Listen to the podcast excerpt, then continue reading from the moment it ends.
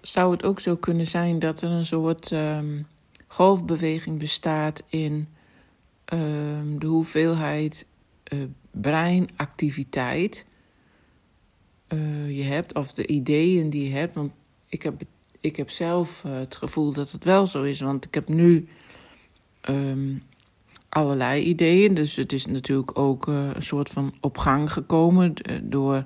Ik weet niet eens meer wie er precies begon met iets. Uh, maar ik heb ook periodes dat, uh, dat het heel stil is in mijn hoofd. Dat ik helemaal geen uh, ideeën heb. Dus dat er niks op gang. ja, nee, dat er niks komt. En ik snap ook inmiddels dat ik reageer in respons. Hè, dus er gebeurt iets. En daar ga ik dan op reageren. En dat ik dat ook makkelijker vind. Dus dat het minder uh, spontaan, zeg maar, vanuit mezelf ontstaat. Um, dat gebeurt ook wel eens, maar wel minder. En gis, uh, die laatste opname van gisteren uh, luisterde ik terug. En toen dacht ik, goh, wat kom ik ook traag uit mijn woorden. Maar um, dat heeft er ook mee te maken dat het dan een soort van gevoel is. Ik heb, ik heb eigenlijk een gevoel en er zijn nog geen woorden bij. Dus ik voel um, waar mijn, uh, ja, waar mijn idee uh, naartoe wil, zeg maar. Maar uh, ik heb daar nog helemaal geen woorden bij. Dus dat is best wel, wel gek misschien. Want ehm, het is wel een soort van idee, maar het zit nog in mijn gevoel. En ik weet al wel waar het ongeveer naartoe gaat. Nou ja, ik kan het ook helemaal niet uitleggen. Maar ik dacht nog van, uh, stel nou dat een gebeurtenis uh, gewoon neutraal is.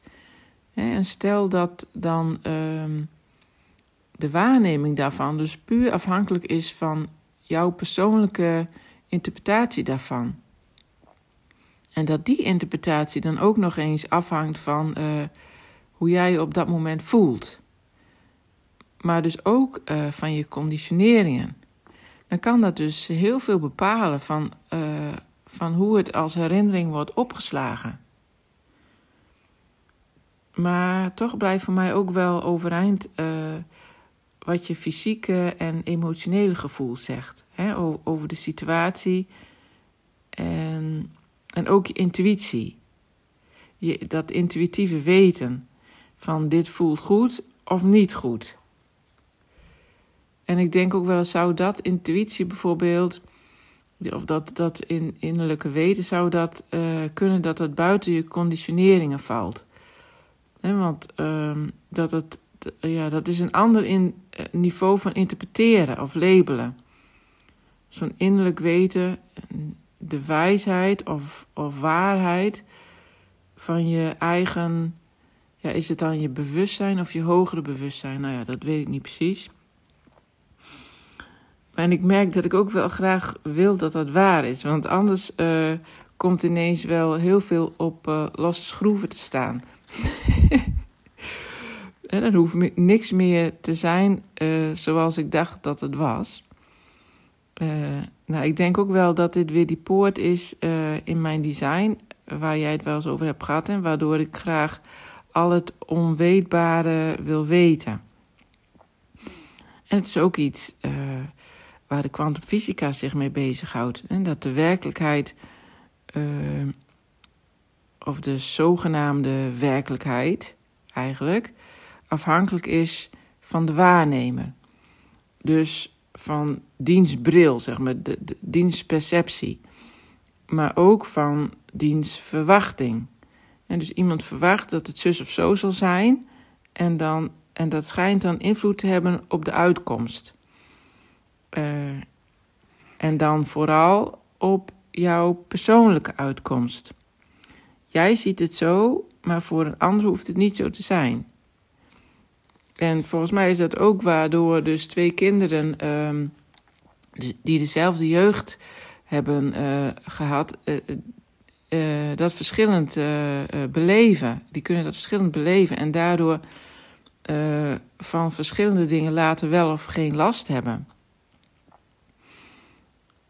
Nou ja, op een, uh, op een bepaalde manier wist ik dat ook wel. Alleen realiseer ik het me nu weer op een andere laag, denk ik. Dat het zoveel impact kan hebben op je hele idee van de realiteit. En ik moet dan ook denken aan ehm, DNA.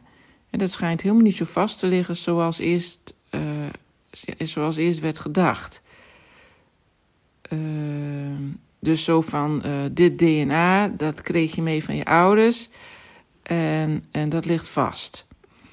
Maar dat DNA, dat schijnt, geloof ik, nou, ik weet het niet meer hoor, ik geloof uh, zo'n 40 verschillende keuzes te hebben hoe het zich ontwikkelt. En uh, hoe het zich ontwikkelen hangt dus weer af van de verwachting van de persoon in kwestie. En die verwachtingen van die persoon worden natuurlijk bepaald uh, door zijn of haar voorbeelden. Of dat nou hè, bewust is gedaan of, of op een energetische laag, maar het is een voorbeeld. Dus je voelt iets aan en het is altijd al zo. En, uh, en dus uh, voor mij is dat dan ook zo. Dat kan dus heel, heel onbewust zijn, want het is natuurlijk nog op, op babyniveau als dat zich ontwikkelt, of misschien nog wel daarvoor. Maar het is wel zoals de ouders of opvoeders zijn.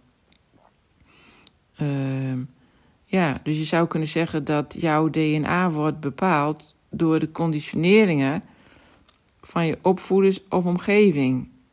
Of, of door hoe ze niet geconditioneerd zijn. Nou ja, zo kun je dus eindeloos doorgaan. En dat DNA blijkt ook nog eens uh, niet onveranderbaar te zijn. Je kunt het op elk moment weer veranderen. Nou mijn hoofd werkt dan zo dat ik meteen op internet op wil zoeken hoe lang het duurt om je DNA te veranderen. Maar dat ga ik dus nu niet doen, want dan komt er geen eind aan. nou, want dat is ook best wel creepy namelijk. Want als, je hoort toch wel eens dat er DNA gevonden is bij een misdrijf. Dus waarschijnlijk van een dader of zo.